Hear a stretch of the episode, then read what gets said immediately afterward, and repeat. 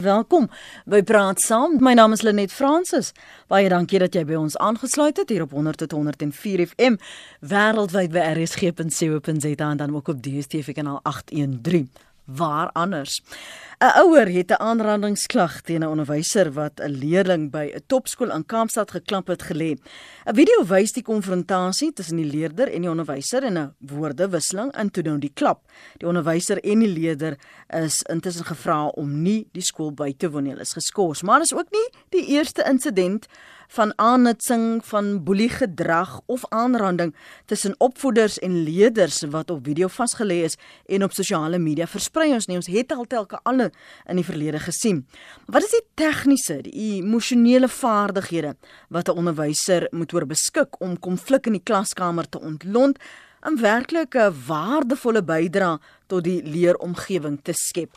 As dit 'n veld is waarmee jy vertroud is, jy was al daar, jy verstaan hoe moeilik dit is om kop te hou en dis liggies gestel in so 'n situasie, dan wil ek hê jy moet jou saam praat, jou stem laat hoor op 0891104553 0891104553 Ons erken om voor 'n klas te staan beproef elke senuwee in jou lyf en ons verstaan die uitdagings waarmee onderwysers en leerders dikwels te doen het.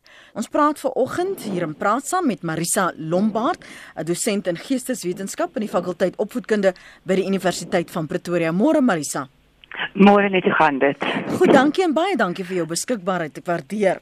Dit is 'n groot plesier. Gesels ook met Quentin Adams, hy's 'n opvoedkundige sielkundige. Hy doen navorsing oor verskillende sosiale kwessies. Een daarvan is hierdie uitdagings wat in ons land is. Quentin, môre baie welkom. Goeiemôre Lenet en goeiemôre luisteraars. Net so vinnige ontleding, ehm um, want ek neem aan julle het albei uh dra kennis van hierdie video. Ehm um, so van al, in algemene belang want ek wil nie ons moet sê wie was reg en wie was verkeerd nie. Maar mm. jou ontleding Marisa van onderwysers se gedrag en daarna van leerders se gedrag en dalk ook hierdie omstanders. Ehm um, daardie deelname of dan nou a, a, afwesigheid van deelname. Ehm um, dan net weet jy wat ek gaan begin met die onderwysers se kant. Ek gaan eerlik wees toe ek die video na die eerste keer gesien het kon ek 'n paar goeie sien en ek dink enige ehm um, baie ander onderwysers het ook gesien daar's goeie vir die onderwyser anders kon gedoen het om die situasie te hanteer. Maar ons soos jy gesê het, ons moet ook 'n gedagte hou dat onderwysers hulle self soms in 'n stelsel vind waar daar nie altyd na hulle emosionele behoeftes en emosionele intellektuele um, ontwikkeling belê word nie. En dan is dit geneig as jy in so 'n stresvolle werksituasie is dat jy jou kop kan verloor en jou meer kan verloor en ietsie kan doen. Maar byvoorbeeld ietsie wat ons vir ons ehm um, studente ook sê is weet jy wat jy is die groot mens in die klaskamer. En dit is die goeie wat ons vir hulle sê. Ons probeer vir hulle net 'n analise ook gee om te sê weet jy wat dit is wat jy kan verwag. Kan, kan maar, ek jou onderbreek reek vir 'n oomblik asseblief? Ja. Uh, ek gaan nou terugkom na wat jy vir hulle leer. O, ek wil net gou ja, ja, jy kan vir hulle ontleed gou net vir die onderwyser ja. en dan die die leerder ja. en dan gee ek vir Quentin 'n nee. kans. Ehm um, so die onderwyser het daar's 'n klomp ander goed wat sy anders kon gedoen het eerder as om die kind te klap. So daai is nie reg nie en om lyfstraf toe te dien veral in so 'n gewelddadige manier is onwettig. Dit is nie debatteerbaar nie. Hmm. So ehm um, verstaan die onderwysers het baie druk en daarmee verseker gekyk word na die omstandighede wat lei na hoe die onderwysers ehm um, optree. So ons verstaan hoekom waar die aggressie dalk vandaan kom en dit gebeur, maar dit is nie ehm um, hoe mense die situasie kon hanteer het nie. Die leerders aan die ander kant daar is 'n probleem ehm um, oor die algemeen as mens luister na hoe klasse gaan dat daar kinders is wat nie hulle samewerking gee in die klas nie. Maar hierdie kan as gevolg van verskeie redes wees dat dit gebeur. En ehm um, weer eens ek voel dit bly die kind in die klas. As dit nou 'n situasie is waar jou lewe in gevaar is, dan dit 'n heeltemal 'n ander gesprek, heeltemal 'n ander konteks. Maar soos goed as 'n kind 'n boek nie skool toe bring nie of 'n foon in die klas het, hulle doen dit. Dit is wat kinders doen. Hulle vat kansse. En ehm um, hulle kan uit 'n tartene beheer ehm um, um, gedrag hê teenoor 'n onderwyser, maar weer eens dis die onderwyser se klas en ons moet maar kyk hoe ons hulle kan bemagtig om daai situasies te hanteer. Maar ek dink ook die ouers het 'n groot rol om saam met die onderwyser in die skool um, te doen met die kind se dissipline en, en hulle gedrag in die klaskamer. Goed, Quentin? Ekskuus ja, Quentin, miskien net vir ons luisteraars sê vir diegene wat dit nie gesien het nie, dat dit ook net 'n greep is van 'n langer video. Um so mm. die afleidings wat ons maak uh, is gebaseer op dit wat gesien is, maar dit uh, was 'n veel langer video. Quentin?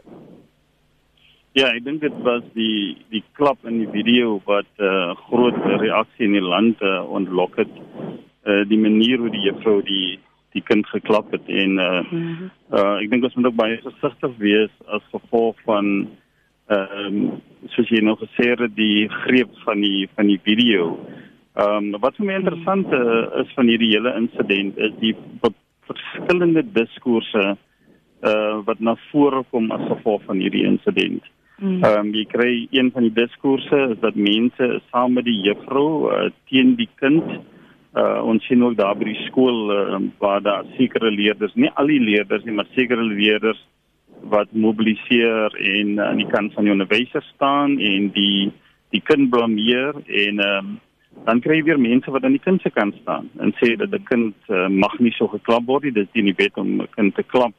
En wat vir my belangrik is is hierdie bepaalde diskourse wat uitkom en wat vir my baie relevant is en wat vir my sê dat die klaskamer is 'n mikrokosmos van die breë samelewing. Dit wat daar gebeur het reflekteer ehm um, baie onderwysers se frustrasies. Ehm um, en ek dink dis 'n belangrike punt wat ons moet aan aandag skenk. Want wat gebeur is dat die onderwyser is gewoonlik uh, van al die mense behalwe die ouers, is hulle gewoonlik die mense wat eers in kontak kom met daai kind. Hulle sien die frustrasie, hulle sien die aggressie Hulle sien hierdie uittastende gedrag ehm um, wat die kinders openbaar in in die skole.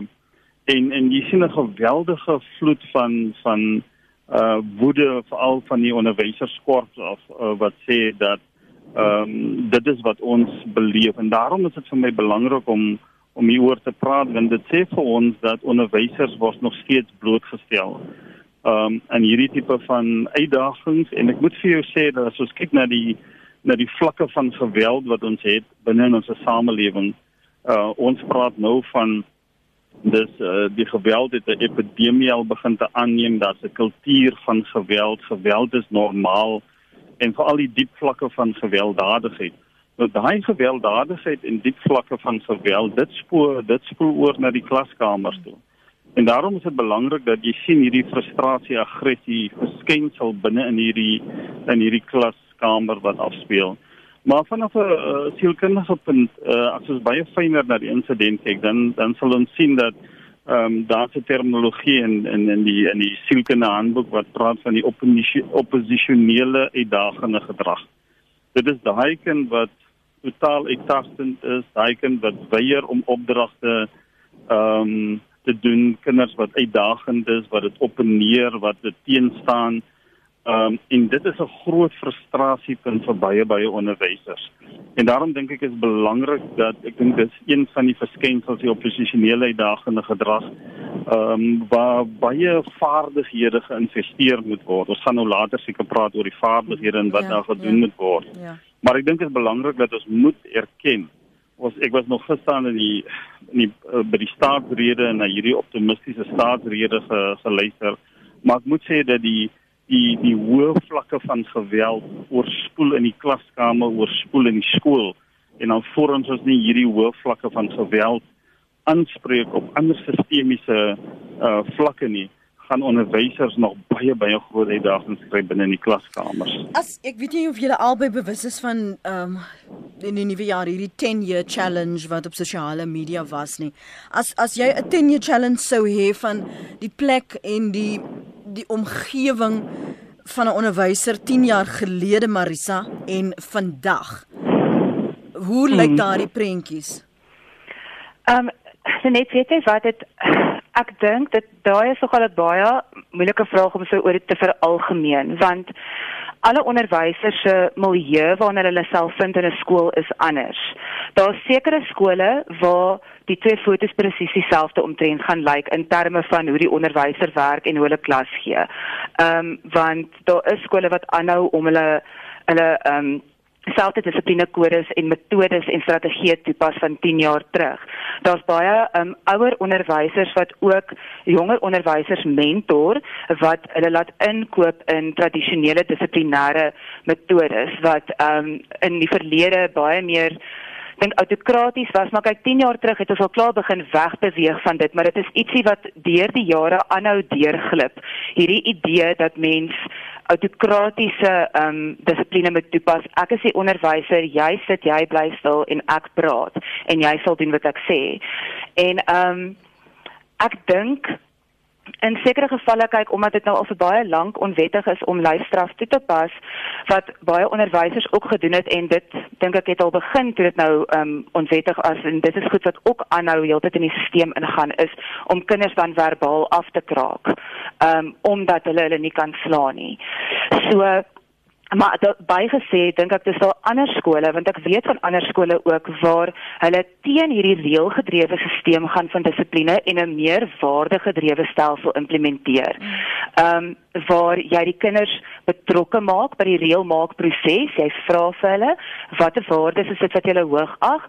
Ehm um, kom ons kyk wat sal jy graag wil hê mense nie aan jou moet doen nie, so dan moet jy dit ook nie aan ander doen nie. En net om so ietsie te doen met die kinders net in jou klaskamer as onderwyser, laat hulle klaar net bietjie meer gemaklik met jou voel want onthou jy is maar 'n vreemdeling, hulle weet nie wie jy is nie. Ehm um, en dit gee vir die onderwyser die geleentheid om die kinders se respek oor te wen want hulle voel hulle word nou geluister. Eerder as wat jy in 'n klaskamer instap soos jare terug waar die reëls in die bord geplak is en dan word vir jou gesê jy sal nie hierdie doen nie mm. en dan baie keer van die reëls maak ook nie heeltemal sin nie. Ehm um, want dit is net iets wat dan vir die onderwyser ehm um, sê net maar of vir die skool dan nou iets wat tradisioneel 'n reël was, maar in die era soos wat ons nou ontwikkel, so sê met 'n 10 jaar challenge later, die kinders het ontwikkel, hulle hulle milieu het ontwikkel. Ons sit met kinders wat wat ehm um, baie skerp is en wat baie kennis dra van sekere goeders omdat hmm. hulle toegang tot inligting het. En dan net so het jy ander skole waar die kinders nou weer dit glad nie het nie. So daai gaan verskil van van skool tot skool en van onderwyser tot onderwyser. Hmm. Quentin Ja, ek dink uh, ek sal teruggaan na die 20 jaar challenge toe want uh, ek was in die klaskamer toe kader asmal die aankondiging gemaak het dat die leefstraf van nou nie meer toegepas word nie en daai hele proses wat ons verloop het uh, om seker te maak dat hierdie ehm uh, nuwe benaderings ten opsigte van die bemagtiging van onderwysers met plaasvind.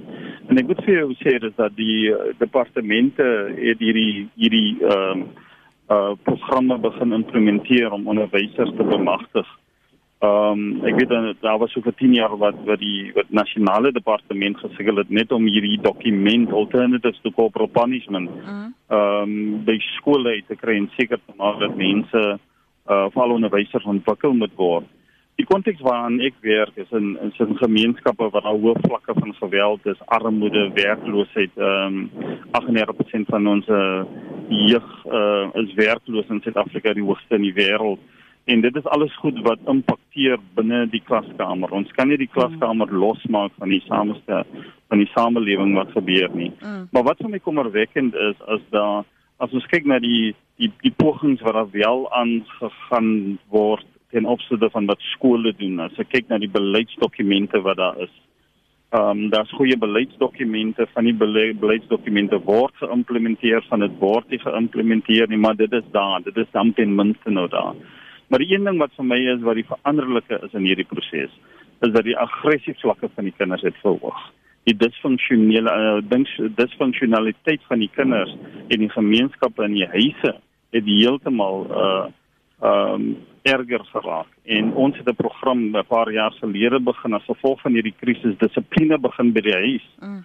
En seker een van die grootste skokkende ontdekkings van die program is nie dat ouers ontvanklik was uh vir die program nie en dat die feit dat die ouers sê dat hulle regtig magteloos nie. Dit was nie die grootste ontdekking nie. Die ontdekking was om te sien die disfunksionaliteit wat regtig binne 'n huise en gemeenskappe plaasvind En dit is waarmee die onderwysers gekonfronteer moet word. Hmm. En ek dink wat die frustrasie van die onderwysers is is dat hoeveel hoeveel bemagtigingsprojekte moet ons nog reeds vir die onderwysers gee? Mm. Uh as ons kyk na hierdie insident, dan besef ons die juffrou dat ander alternatiewe wat sy moes gedoen het, maar as ons kyk na uh wat gebeur in die werklike projek, ons kan nie van onderwysers sielkundiges maak nie. Ons kan nie verwag dat hulle 80% van hulle tyd is dit net 'n gedragsintervensie nie. Ja. Ons moet na die oorsprong van die probleem kyk. Ons moet kyk op ander sistemiese vlakke en sistemiese ingryping van die konteks waar ek vandaan uh, kom en waar ek meeste van my tyd spandeer.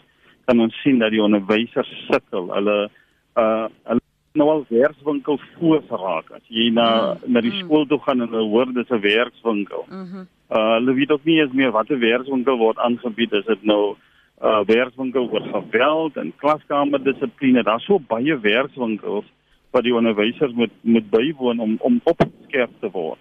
En ek is net versigtig dat ons elke keer die onderwyser moet blameer. Ons moet kyk byer, ons moet kyk na sistemiese ingryping en seker maak dat hierdie hoë vlakke van geweld verminder moet word en ons moet kyk om groter ouers te uh, kapasiteer om seker te maak dat hulle kan help dat onderwysers op die kurrikulum kan fokus op akademiese uitnemendheid en seker maak dat ons die kinders deur die skole kry. Kom ons hoor wat ons luisteraars sê en daarna sal ek julle kommentaar op sosiale media met die res van die land deel. Max, ons begin by jou. Môre. Uh goeiemôre Lenet. Uh, baie dankie vir die geleentheid. Ek wil graag so klein ietsiekie deel en goed wat met my gebeur het. Ek is nou 38 jaar oud en goed. Ek was 17 toe ek in matriek was en ons onderwyseres daai tyd moes gaan vir 'n operasie en daar was toe nou 'n uh, 'n uh, 'n uh, substituut onderwyseres aangestel gewees en weet jy ons het in 'n area gebly waar daar verskriklik baie boelies is en weet jy hulle het daar so afgetrou in die klas. Hulle het byvoorbeeld ons het hierdie tipe klasse gehad wat amper soos hierdie half van 'n wetenskap klasse is met hierdie terrasse. Hulle het bande gevat, groot bande en hulle het dit afgerol en teen die onderwyseres se tafel gestamp en hulle het op haar geskreeu en op die tafels geklap. Weet jy, sy het uitgehardloop en sy het gehuil.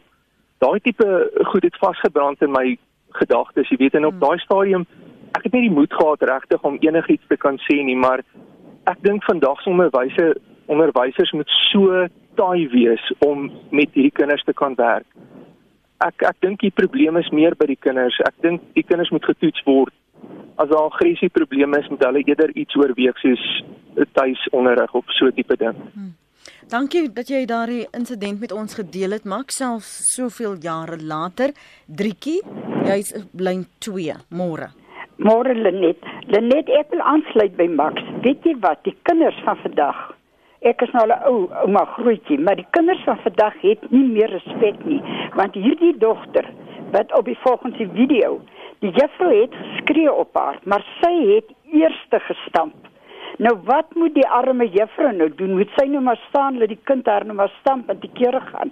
So ek staan by daai juffrou. Dis goed sy het haar geklap dat sy kan maniere geleer word, want ek sê het eerste daai juffrou gestamp. So dit is maar maar al wat ek sê, ek het nou nie by die juffrou of die kindie, maar ek voel in hierdie stadium daai juffrou het goed gedoen om haar te klap. Dis Drietjie se opsomming van wat die greep wat sy gesien het. Hannes, ek luister. Uh goeiemôre. Ek is 'n afgetrede onderwyser en ek wil 'n laasie breek vir die onderwyser. Die onderwyser is die laaste skakel uh, in 'n skool wat direk met die kinders werk as sy nie backup het van haar onderhoof en 'n dissiplinêre komitee so nie dan staan sy alleen en dit gebeur elke dag dat daai kind daar treiter. Baie dankie. Goed baie dankie daarvoor. Uh, ek vertrou julle albei maak aantekeninge asseblief van ja. kommentaar waarop jy wil reageer. Ek lees gou uh, wat ons luisteraar sê. So asseblief wees maar geduldig met my Gebruik die selfoon as hulpmiddel as die kind in die klas moeilik is, laat hy of sy een van die onderwysouers dadelik voor die klas skakel en as hulle weier, doen dit self en gee die selfoon vir die kind. Hou telefoonnommers in die klas. Ek is 'n onnie vir graad 4 kan duidelik in die klas sien wie 'n goeie opvoeding by die huis kry en wie nie. 'n Kind het al vir die kinders vertel, my ma is 'n prokureur sê net as die onnies jou probleme gee. Ek het die ma gebel, sy het dadelik opgetree teen die kind. In 1964 gematrikuleer, nooit sulke gedrag ervaar nie. Sy het 94 gaan alles net slegter met onderwys en die res in sy um, van Suid-Afrika, sê Johan in Durban wil. Ek is 78 jaar oud en was vir 35 jaar 'n onderwyser. Ek wonder hoe op die aarde ek dit reg gekry het om dit te kom bereik want sien ek het skool gegaan in die tyd toe jy moes stil sit en luister. Ek kan lees, skryf en ek kan ook die tegnologie baas raak. Ek vra maar net, skryf Ria Klassen. Ek wil net weet in die jaar 50, 60, 70 en 80 het ons nooit al hierdie probleme in die skole gehad nie. Van kinders wat onderwysers aanraad aan kinders wat ander kinders aanval met messe en vuurwapens nie. So ons kan dink wat ons wil, maar nie sê wat ons wil nie, sê Sofia. Ah, ek het ken ook van 'n paar insidente waar dit wel gebeur het. My dogter is 'n jong onnie en is mal oor haar werk. Sy vertel my baie dat ouers hulle net afvee aan hul kinders se opvoeding, totaal onbetrokke, te besig om kop bo water te hou of die volgende 4 by 4 te wil koop. Die onderwysers moet probeer red wat te redde is en nog skool hou. Armoede en werkloosheid het niks te doen met kinders wat nie respek het nie en nie by die huis opgevoed word nie. Onderwysers is daar om hulle te leer en hulle is nie kopdokters nie. Dan sê ander een, as jy leerders met respek en liefde hanteer, sal jy dit in oormaat terugkry. Meisie van Malelaan. Dis jammer dat die onderwyseres wat baat kon vind by die program nou in die skool is. Miskien moet praat saam na 'n ander tyd geleef geskuif word. Net vir een onderwyser, hulle kan die pot gooi luister. Uh, dit is maklik genoeg. Uh, nog 'n een sê wat ouers moet hulle kinders dissipline by die huis leer. Punt. Onnies is nie donkies nie, sê Hendrik. En dan sê een en sulke hooghartige uitlatings wys net weer hoe ver verwyder die opleiding aan die praktiese klas gee van mekaar is. Kom ek blaai na die volgende blad toe. Glaai dit gou. Opvoeding is ouers se taak. Onderrig is instansies sin met dosente, pedagoge, onderwysers, kinders behoort ontsag, medemenslikheid en respek te leef in hulle grein en in hulle grondslag. Dan kan hulle dit die lewe inneem. Ouers het nie respek vir gesag nie. Wat verwag ons dan van die studente en die leerders? Praat met onderwysers wat elke dag in die situasie is en nie met 'n leuns 'n leunstoe liberalis wat geen idee het nie. Daar is geen verskil om 'n kind te klap of om 'n kind formeel te laat buig en hom met 'n lat houe op sy boude of op die hande te gee. Die aanranding bly aanranding. Lyfstraf was al in 1996 deur die wet op skool in Suid-Afrika verbied, skryf Jakom. Nou sê die ander luisteraar Michael Bridges by, hoekom word die stam van die kind die onderwyser eerste gegee het voor die klap nie genoem nie? Moenie die kind ophemel as 'n engeltjie nie, sê Mike. Klappende en beledige onderwysers hoort in 'n warm plek, net ordentlike kinders hoort in 'n skool, sê Ben Smit. Ek is 'n onderwyser, sê naamloos van George, sit nou in 'n afperiode en luister. Jou vraag is verkeerd. Vandag se kinders kort maniere en opvoeding word nie waardes by die huis geleer nie. Onderwysers sit met oorvol klasse, militante kinders en met afgekapte hande. Jy en jou gaste sal nie een week in 'n klas hou nie, sê naamloos van George.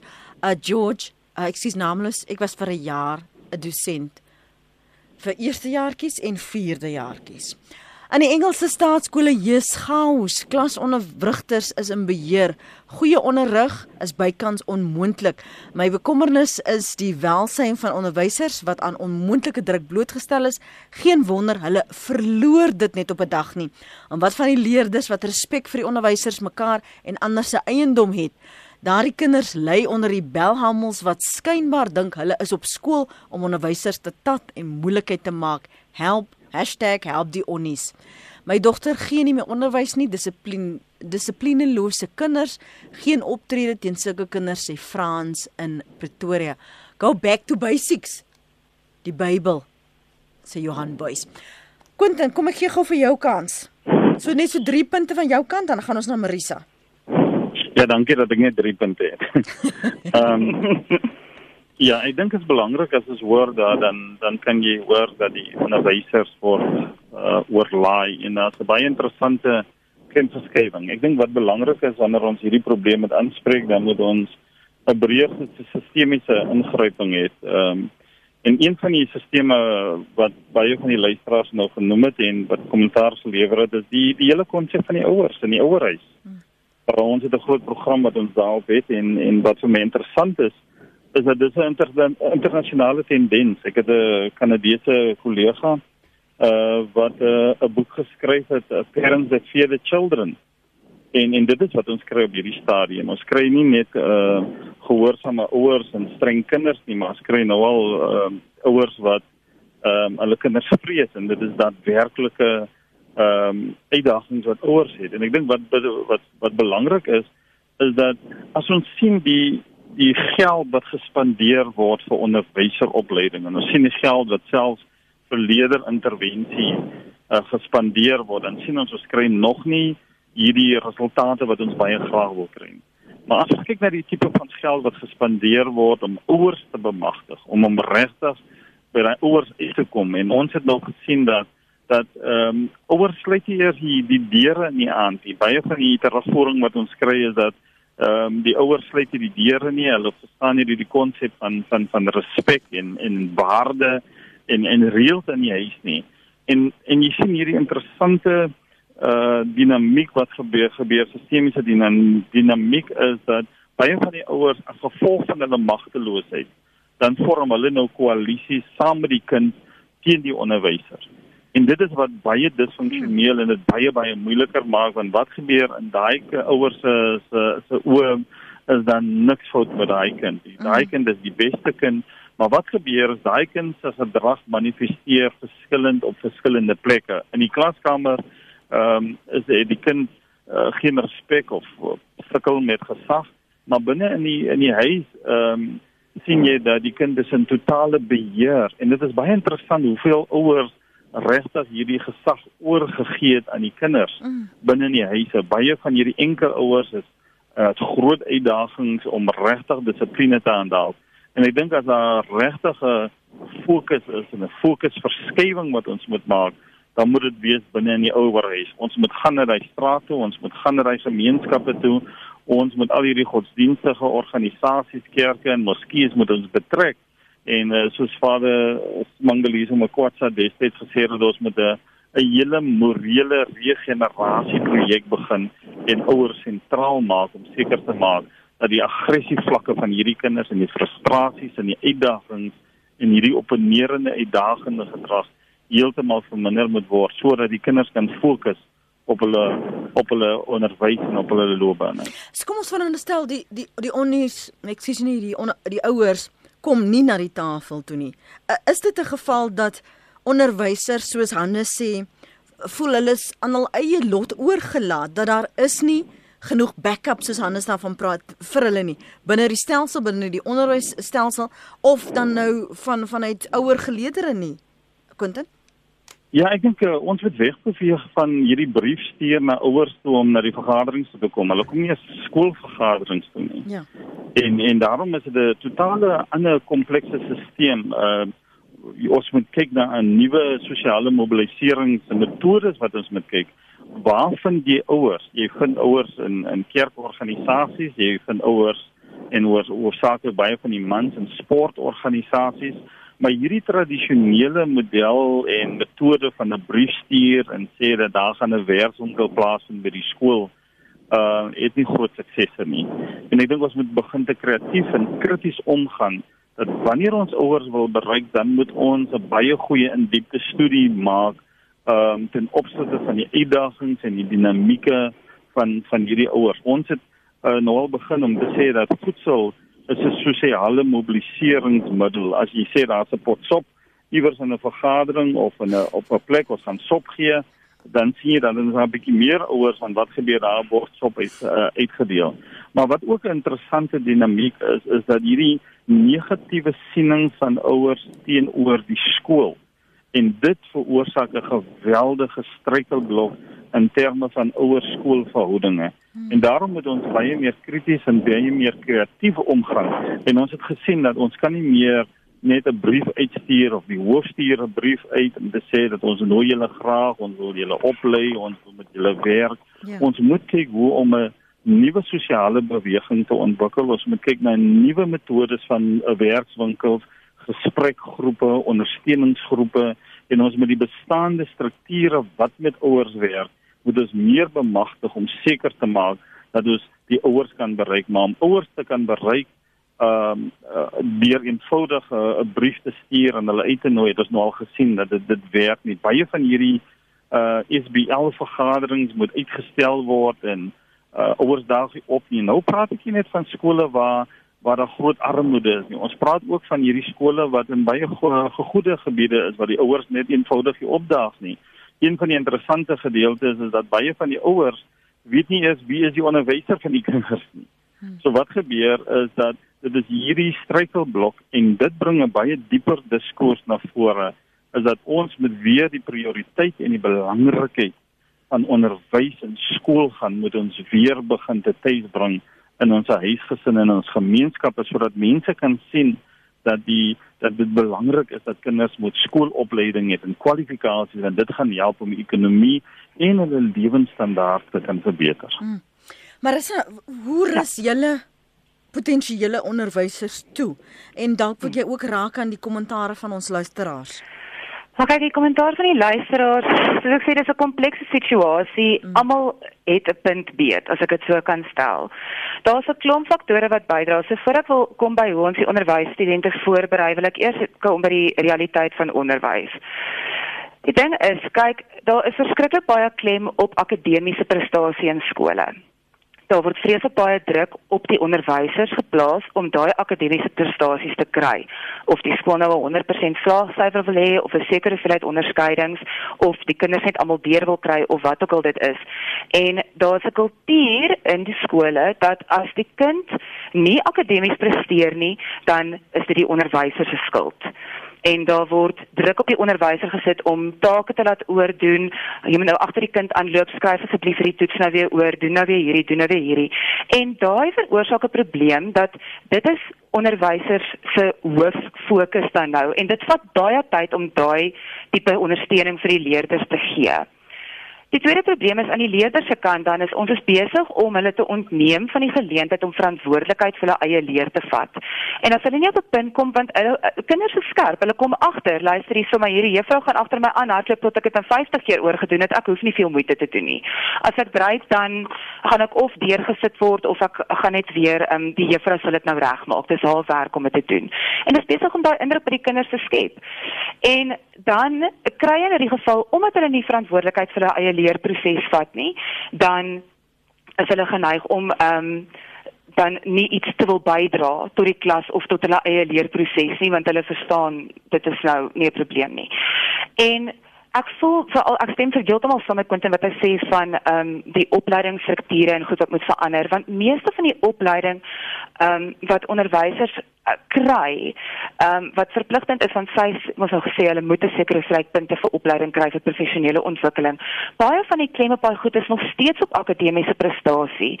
En ek dink nie daar is genoeg hulpbronne en um geleenthede vir onderwysers om met die sagter vaardighede soos hoe om met kinders te werk, hoe om met moeilike kinders te werk te beoefen nie. Want wat mense moet verstaan is onderwys is nie ek leer vir jou besigheidstudies en dis dit nie. Dis soveel meer as dit. Jy die in locus parentis is in is in orde wanneer daai kinders in jou klas is. Jy is in die plek van die ouers Die realiteit is daar is skole waar die onderwysers 70 kinders in 'n klas het en 3 handboeke. Die realiteit is ook daar is onderwysers wat dit maak werk, maar mense sien dit nou nie in die nuus nie. Ehm um, daar is dan situasies waar kinders nou vreeslike dissipline probleme gee en dan is daar 'n probleem van skole wat nie ehm um, vir hulle onderwysers ondersteuning gee nie. So dis is met ons laaste gesprek wat ons laas gehad het waar ek voel waar is die opvoedkundige sielkundiges wat in die skole aangestel kan word? Waar is die maatskaplike werkers? Mm. waar is die um, beraders? Waar is die terapeute? Mm. om net van daai druk van die onderwysers af te haal want as mens daai ondersteuningsmetode het dan kan mens vir die onderwyser goed toerus om waarskuwingstekens te sien in 'n kind wat dalk probleme het by die huis of enige ander probleme en hulle dan te stuur na die spesialis toe Maar dis waar die frustrasie van onderwysers vandaan kom. Ek moet net heeltyd hierdie akademiese prestasies druk mm. en as ek dit nie doen nie, is dit my skuld. Dit maak hulle angstig en dit maak dat mens uitbarstings in die klas het. So ek het simpatie vir onderwysers wat in hierdie situasies is. Ek het self vir 10 jaar skool gegee. Ek weet hoe voel dit. Mm. Ehm um, wat ons vir ons studente sê as hulle hier aankom is eerstens ons probeer vir hulle net wys hoe lyk die realiteit. Want ons is in 'n klaskamer jy kan die beste universiteit met al die fasiliteite in die wêreld hê. Om 'n onderwyser te wees is amper soos om 'n dokter te wees. Dis 'n spesialiteit. As 'n dokter want oopsny kyk aan nie na die persoon en sê weet jy wat hierdie tumor was nie in my handboek nie maak toe ek gaan dit nie kan doen nie. Hulle in die praktyk dan word hulle blootgestel aan unieke situasies en dit is hulle professionele kennis as 'n dokter om dit te kan toepas in verskillende kontekste. En dis wat ons hier met die studente probeer doen. Maar ek kom agter daar is 'n tipe en dit is 'n samelewing ding. Die samelewing het hierdie persepsie van jy is net 'n onderwyser. Jy is nie so goeie spesialis nie. En ek dink onderwys raak al hoe meer gespesialiseerd nou omdat ons in 'n era van 'n inligtingontploffing is. Ja. Kinders het toegang tot inligting. Jy is jy het nie meer daai inligtingautonomie oor die kinders. Van weet jy wat jy gaan nêrens anders hierdie inligting kry so sit en bly stil nie. Ja. Kinders weet hulle kan die inligting iewers anders ook kry. Mm -hmm. Jou werk as onderwyser sê ons vir hulle is om te kyk dat die kind die regte inligting kry want ons valse inligting en dan sal ware inligting. Sê altyd jy kan jou eie opinie hê, jy kan nie jou eie feite hê nie. Dis jou werk om seker te maak dat die kind ehm um, daai feit die mm. die regte feite en die regte prosedure volg. En ons rol in terme van om die kind te verstaan en om hulle agtergrond te verstaan raak raak meer belangrik maar ons infrastruktuur laat dit nie toe nie so ons rus die studente toe maar dan gaan hulle in 'n stelsel uit waar hierdie goeters moeilik is om toe te pas as gevolg van oorvol klasse en as gevolg van ehm um, 'n tekort aan ondersteuning van owerhede bo die onderwysers. En dit is iets wat ek dink ons almal as 'n samelewing aangaan moet begin werk. Marisa, ek gaan na die twee luisteraars gaan ons bietjie gesels oor emosionele intelligensie. Maar ja. daar's twee oud onderwysers wat wil saamgesels en baie dankie uh vir julle oproepe. Kom ons begin by anoniem op lyn 2 môre. Hallo daar. Ek luister. Praat môre. Môre. Dankie dat jy die radio afgeskakel het. Ons luister. Praat met uh, ons. Ja, dit breek verskriklik op, maar ek gaan praat. Ek is 'n ex-onderwyser en ehm um, ek is ek wil, ek wil nie met die deur in die huis val deur te sê ek het 'n HOD universiteit met wiskunde as hoofvak en ek is baie gelukkig agter 'n bakkie se stuurwiel as 'n voertuigbestuurder as op as om kinders voor kinders te staan. Hmm. Die punt wat ek wil maak is ehm um, ek was by 'n skool gewees en omdat ek baie moedig hier was het ek uh, baie moedig hier uh, skool toe gegaan altyd en uh, my kind het aan my agterend gevat en ek het na die uh, skoolbestuurder toe gegaan en gaan praat. En hy het my uitgelag. En ek het met die kind gaan praat en die kind het my ook uitgelag, maar ek het aangegaan met my werk soos gewoonweg. En omdat ek soos een van jou gaste gesê het, uh autokraat in onderwys was volgens my het ek baie dissipline dissipline afgedwing by die kinders en ek dink ek het 'n goeie werk gedoen. Maar aan die einde van die dag as gevolg van die feit dat daar kinders was wat regtig waar jy kan gesien het en ek het self so ver gegaan om te gaan tot by die ouers van die kinders en ek kon gesien het volgens die huishouding hier is geen dissipline nie en ek het baie meer met daardie kinders gewerk en baie meer met hulle gebereik omdat ek ge, nie 'n ouer self 'n ouer is nie maar 'n mens uh, in die voet in die in die voete van 'n ouer gesit en die kinders gedissiplineer. Maar as jy met ongedisiplineerde kinders sit en met 'n uh, skoolbestuurder wat ook nie sy werk kan doen nie, dis hoekom ek die onderwys vaarwel geroep het. Hoe lank gelede was dit? Ja, 2009 het ek klaar gemaak. Goed. Dankie vir die oproep, waardeer dit. Goeiemôre anoniem. Goeiemôre RSG. Ja, um, ek was daar in die onderwys gewees toe net net nadat die ark geland het. En ek vind dit sê een ding wat julle buite rekening is laat. Of wat my ervaring was daai tyd, is die ouderdom van die kind. Ek het ervaar dat my graad 9 kind En my nee, my graad 7 kind en my graad 10 kind was 'n bondel hormone gewees. Dit was 'n baie goeie skool gewees. Ek het wonderlike ervarings. Maar weet julle daar het ek ervaar in 'n graad 10 klas wat 'n ou meisietjie opstaan en vir my sê, dit was 'n baie sterk klas gewees. En ek het met hulle Shakespeare gedoen wat hulle nie eintlik in tweede taal moes doen nie. Wat sy opstaan en voor die klas vir my sê, "Man, do you enjoy being a bitch?"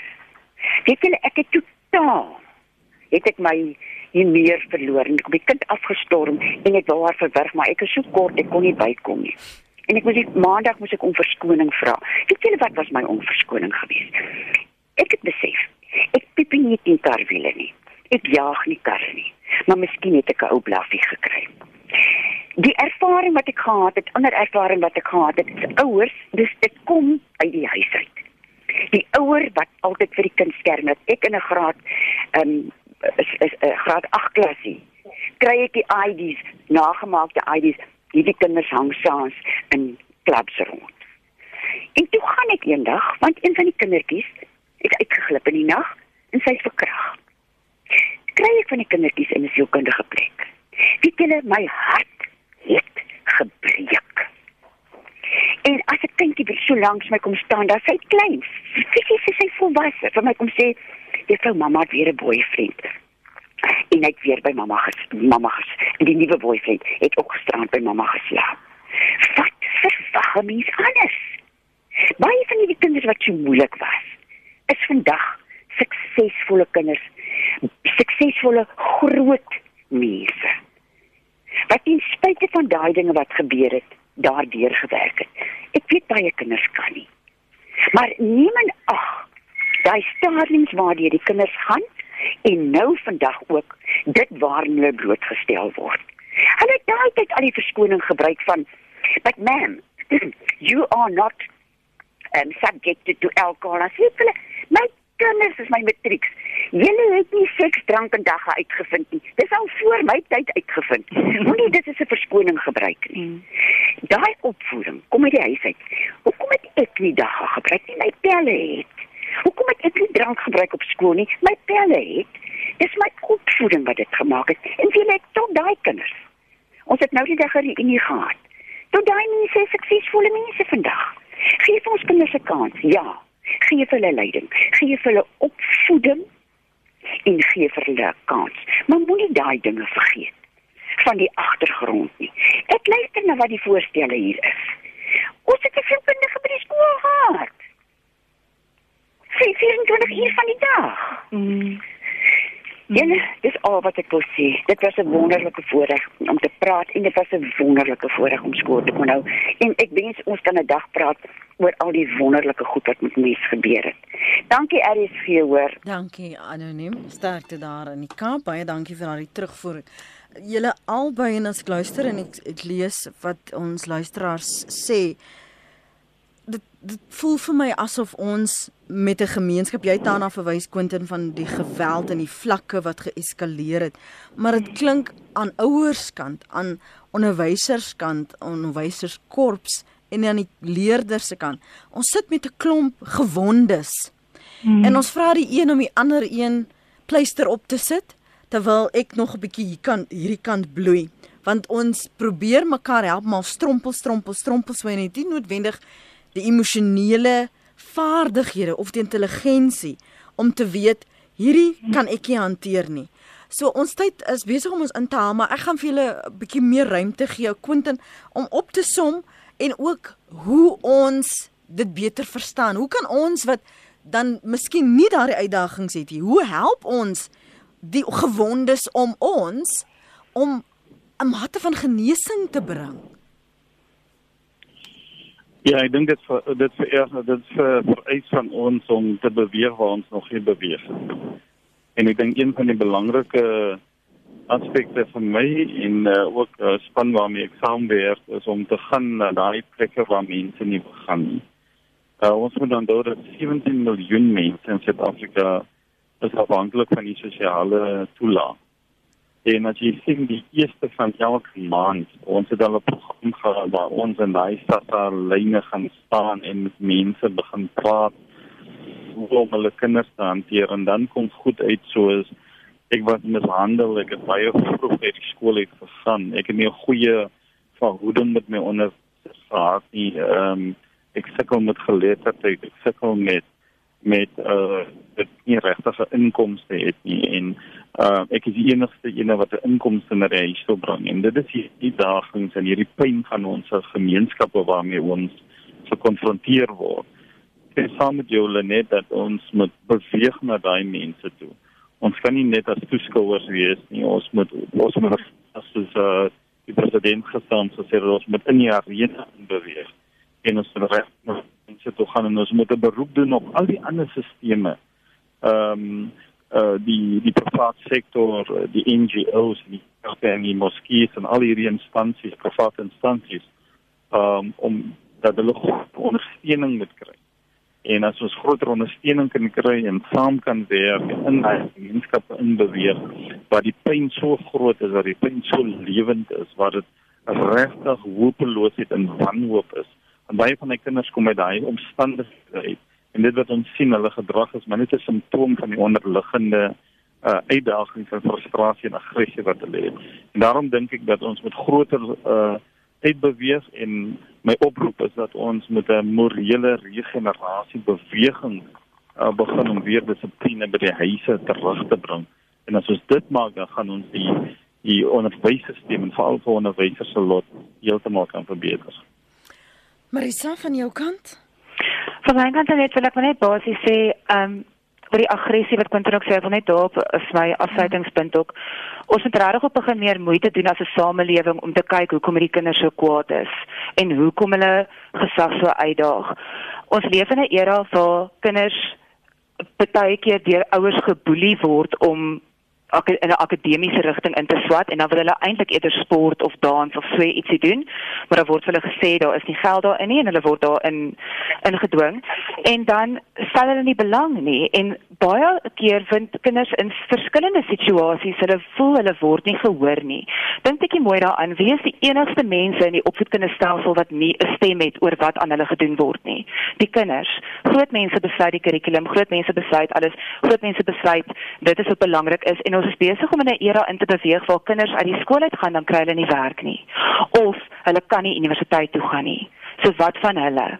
So ek kan verstaan en dit is baie keer in hele areas so waar die hele area se gemeenskap daai situasie het waar mense bitter min mense gaan universiteit toe of kry ehm um, hierdie hoë profiel werke, dan sal hulle natuurlik frustreerd wees. En ons moet as 'n samelewing regtig begin kyk en ek stem saam met Quentin van ons navorsing nodig van hoekom is hierdie kinders frustreerd en ek dink is tyd dat ons ook bietjie as volwassenes moet besef om 'n kind net te voeder gaan dit nie regmaak nie. Hulle het toegang tot inligting, hulle kan lees, hulle kan hulle goeders uitvind. Ons moet dalk bietjie meer begin luister en in my ervaring as 'n onderwyser waar ek in 'n middestad waar die kinders en bendes betrokke was, die bendeleier was in my klas gewees as jy 'n kind het respek en ek wil saam met daai persoon wat daai daai boodskap vir jou gestuur het stem. Hmm. Respek en liefde werk beter as vrees. Maar daar is omstandighede wat ek verstaan wat dit maak dat dit nie altyd moontlik is nie. Maar ons sal ons bes te probeer om ons studente op datum met alles dan so goed as moontlik voor te berei en hulle emosionele intelligensie en goeie so te verbeter dat hulle dit met die kinders ook kan doen in die hmm. klaskamer. Hmm. Ons het nie genoeg tyd om hieroor te gesels nie. Dit ja. is 'n soveel vlakke dieper gesprek. Dankie vir julle beskikbaarheid vanoggend. Waardeer Baie dit. Dankie. Mooi dag verder Marisa Lombard, dosent in geesteswetenskap in die fakulteit opvoedkunde by die Universiteit van Pretoria en dankie ook aan Quentin Adams, opvoedkundige sielkundige wat navorsing doen oor verskillende sosiale kwessies en baie dankie aan al die luisteraars vir al die SMS'e en die oproepe. Uh, ons het net nie genoeg tyd om om hier oor te gesels nie, maar ek waardeer julle insette.